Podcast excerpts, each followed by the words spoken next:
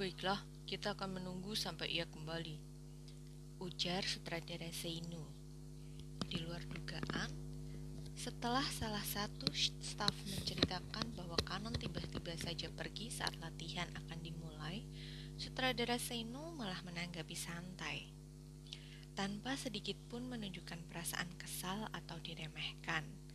Padahal, menurut Ichi, satu-satunya hal yang dibenci oleh sutradara easygoing ini adalah artis yang tidak bertanggung jawab atau tidak disiplin dalam waktu. Sutradara Seino yang bisa melihat ekspresi bingung di wajah Ichi sontak menenangkannya. Jangan terlalu dipikirkan, kanan pasti akan kembali. Aku sama sekali tak memikirkan gadis itu, sahut Ichi dingin.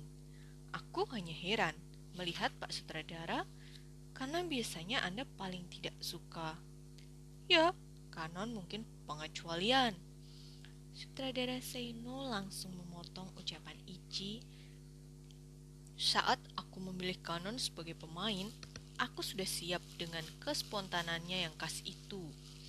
Mungkin sedikit merepotkan, tapi tidak terlalu buruk.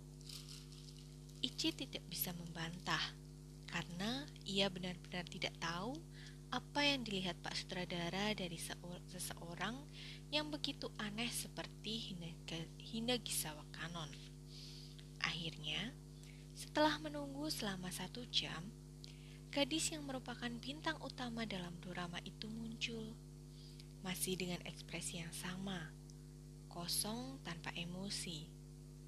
Ia langsung menundukkan kepala di depan sutradara Seino dan Ichi. Maaf, ucapnya pelan. Tidak apa-apa. Sutradara Seino justru tersenyum. Ia membelai kepala Kanon dengan penuh pengertian. Oke, latihan akan kita mulai sekarang.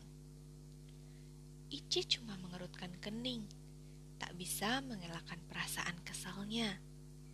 Ia merasa tidak seharusnya kanon diperlakukan seistimewa itu, apalagi melihat keterlambatannya yang tanpa alasan. Hanya sesaat, ia melayangkan pandangan pada kanon. Ichi cukup terkejut ketika melihat rambut dan dahi gadis itu basah oleh keringat, seperti baru saja melakukan lari maraton.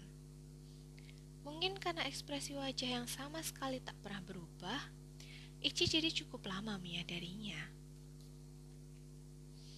Adegan pertama dimulai ketika Yukihiro menyadari bahwa ponsel yang ada di tangannya adalah milik Manami. Oke, Kanon, tukarlah ponselmu dengan Ichi. Ujar sutradara Seino seraya menuju tempat duduknya. Kita akan mulai dari scene yang dilakukan Ichi sendirian. Ichi sudah bersiap-siap di tengah ruangan. Sementara itu, Kanon yang masih menunggu giliran berakting memilih berdiri di samping tempat duduk Pak Sutradara yang sibuk memberi perintah kepada para kru. Kamera satu, close up. Ichi, siap. Tiga, dua, satu, action. Begitu aba-aba terdengar, Ichi yang berperan sebagai Yukihiro langsung menatap ponsel dengan kantungan bulan sabit di tangannya dalam diam. Tanpa sengaja, ia melihat layar ponsel tersebut.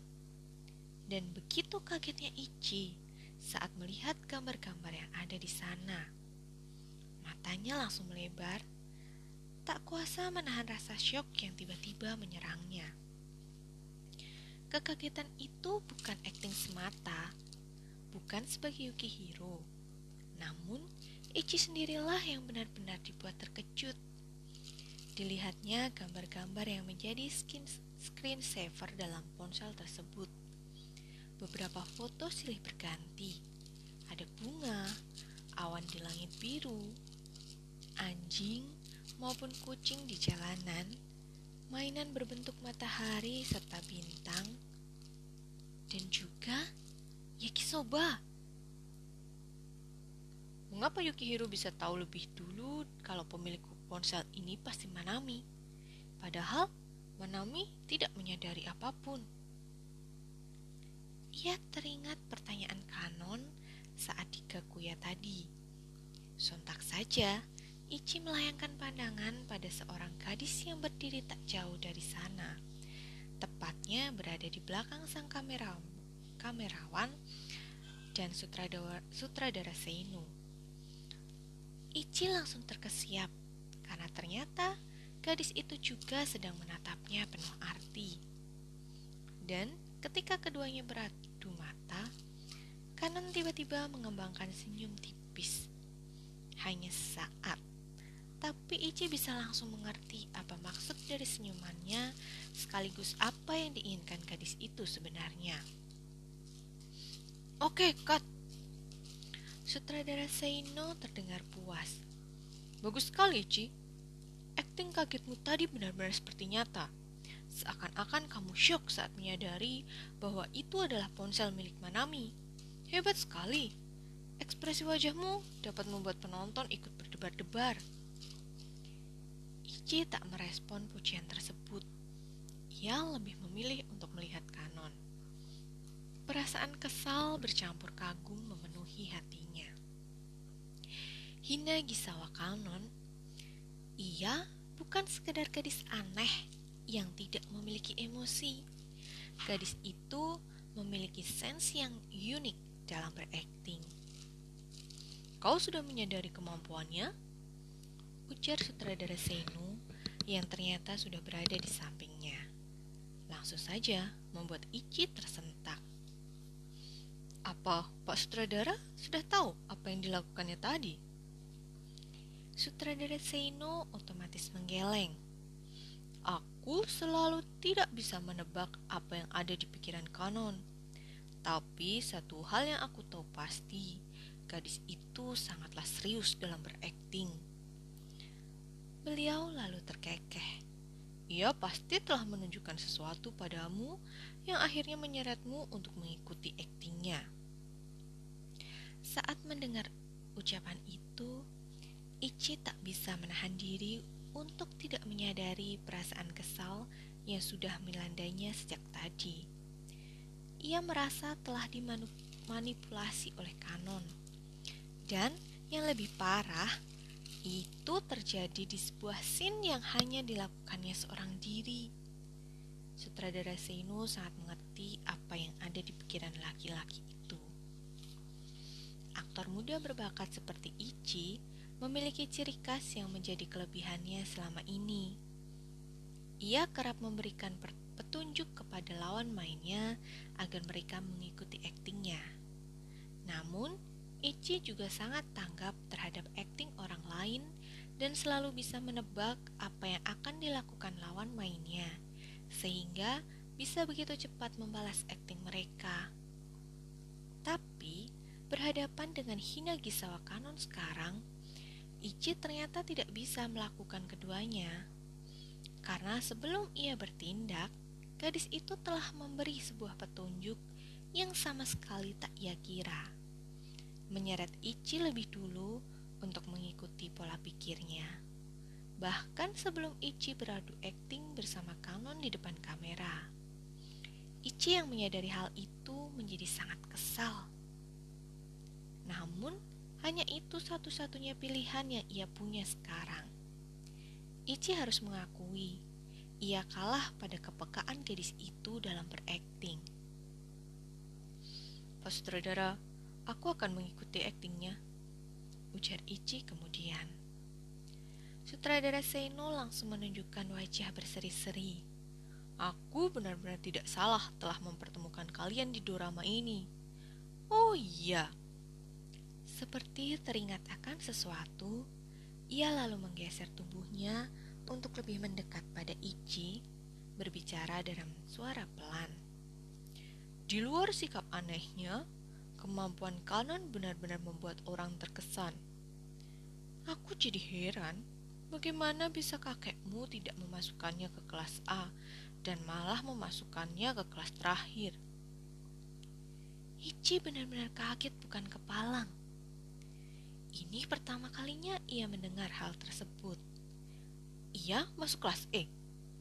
Kau tidak tahu? Sutradara Seino justru melihat dengan heran. Bukan hanya itu saja, Kanon bahkan merupakan juru kunci di angkatan kelas 1. Ia menempati ranking ke-100, ranking terendah di sekolahmu.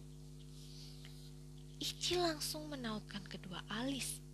Ia sama sekali tak bisa mempercayai hal itu. Sekali melihat saja, Ichi berani bertaruh bahwa Hinagisawa Kanon merupakan salah satu artis paling berbakat yang pernah ditemuinya. Ia lebih tidak bisa percaya bahwa kakeknya yang terkenal lihai menemukan potensi-potensi luar biasa dari seseorang justru memasukkan Kanon ke dalam kelas E dengan ranking terakhir pula. Padahal menurutnya, gadis itu sangatlah pantas untuk disejajarkan dengan murid-murid di kelas A. Bahkan ditambah keunikannya, ia mungkin sanggup melebihi beberapa di antara mereka. Lima menit kemudian, terdengar suara Ade dari pojok ruangan. Baiklah, kita akan mulai adegan di mana Yukihiro dan Manami mengobrol lewat telepon dan memutuskan untuk bertemu. Ia lalu mempersilahkan Ichi dan Kanon untuk berdiri di tengah ruangan. Hinagisawa, tolong kamu berdiri membelakangi Asauka. Menolehlah setelah ia memanggil namamu dan tunjukkan perasaan bahagia seorang gadis saat berjumpa dengan orang yang paling ingin ia temui. Oke, siap. Ichi yang berperan sebagai Yukihiro memandang punggung Kanon. Perasaannya bercampur aduk antara berdebar dan juga antusias.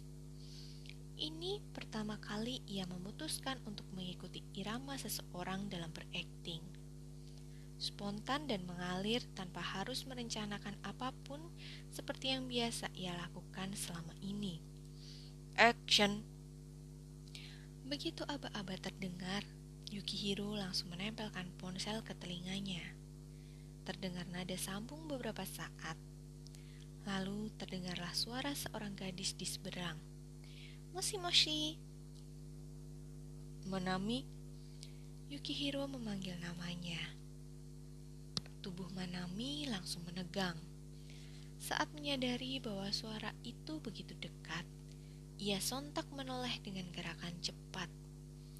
Seketika saja, mata Manami melebar ia tertegun saat menatap Yukihiro yang berdiri di hadapannya. Dan tiba-tiba, tanpa bisa ditahan, satu persatu tetesan air mata pun mengalir di kedua pipinya. Wajah tertegun itu kemudian berubah. Sebuah senyum hangat perlahan-lahan mengembang di bibir Manami. Seolah-olah tertarik oleh senyuman itu, Yukihiro pun mendekati Manami yang masih membatu di tempatnya. Ia lalu membungkukkan badan hingga wajahnya sejajar dengan gadis itu. Yukihiro memandang Manami selama beberapa saat, menggambarkan perasaan rindu. Sebelum akhirnya ia tersenyum sambil meletakkan ponsel birunya yang tertukar di tangan Manami. Tadaima, ucapnya lembut. Hanya sepatah kata dari Yukihiro, dan itu sanggup membuat para penonton yang melihat merasa tersentuh dan diliputi perasaan berdebar. Hingga beberapa di antara mereka sampai tak kuasa menahan air mata. Ekspresi wajah, suara, dan satu kata singkat dari Yukihiro seakan-akan memiliki sebuah makna yang terlihat begitu dalam indah dan menghanyutkan. Manami memandang ponsel yang ada di tangannya, lantas kembali menatap Yukihiro, menunjukkan senyuman di antara tangis harunya yang masih tersisa. Sungguh ajaib, tanpa sepatah kata pun, perasaan yang ditunjukkan oleh Manami melalui ekspresi wajahnya seolah-olah bisa dirasakan oleh semua yang berada di dalam studio sebuah perasaan haru dan bahagia saat bertemu kembali dengan seseorang yang paling ingin ia temui. Satu-satunya orang yang paling berarti baginya yaitu Yukihiro.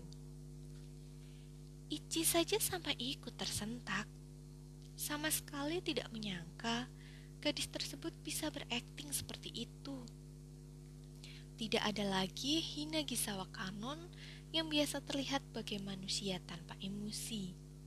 Yang ada di hadapannya sekarang adalah Manami, gadis lembut yang memandang Yukihiro dengan tatapan mata hangat dan teduh. Suasana begitu hening di dalam studio. Semua kru seolah terhipnotis oleh sepasang manusia itu. Pertemuan Yukihiro dan Manami yang manis, serta kebahagiaan yang terlihat begitu nyata, membuat para penonton tanpa sadar terlena dan juga merasa tersentuh seperti ikut merasakan sebuah perasaan bahagia dalam pertemuan kecil tersebut.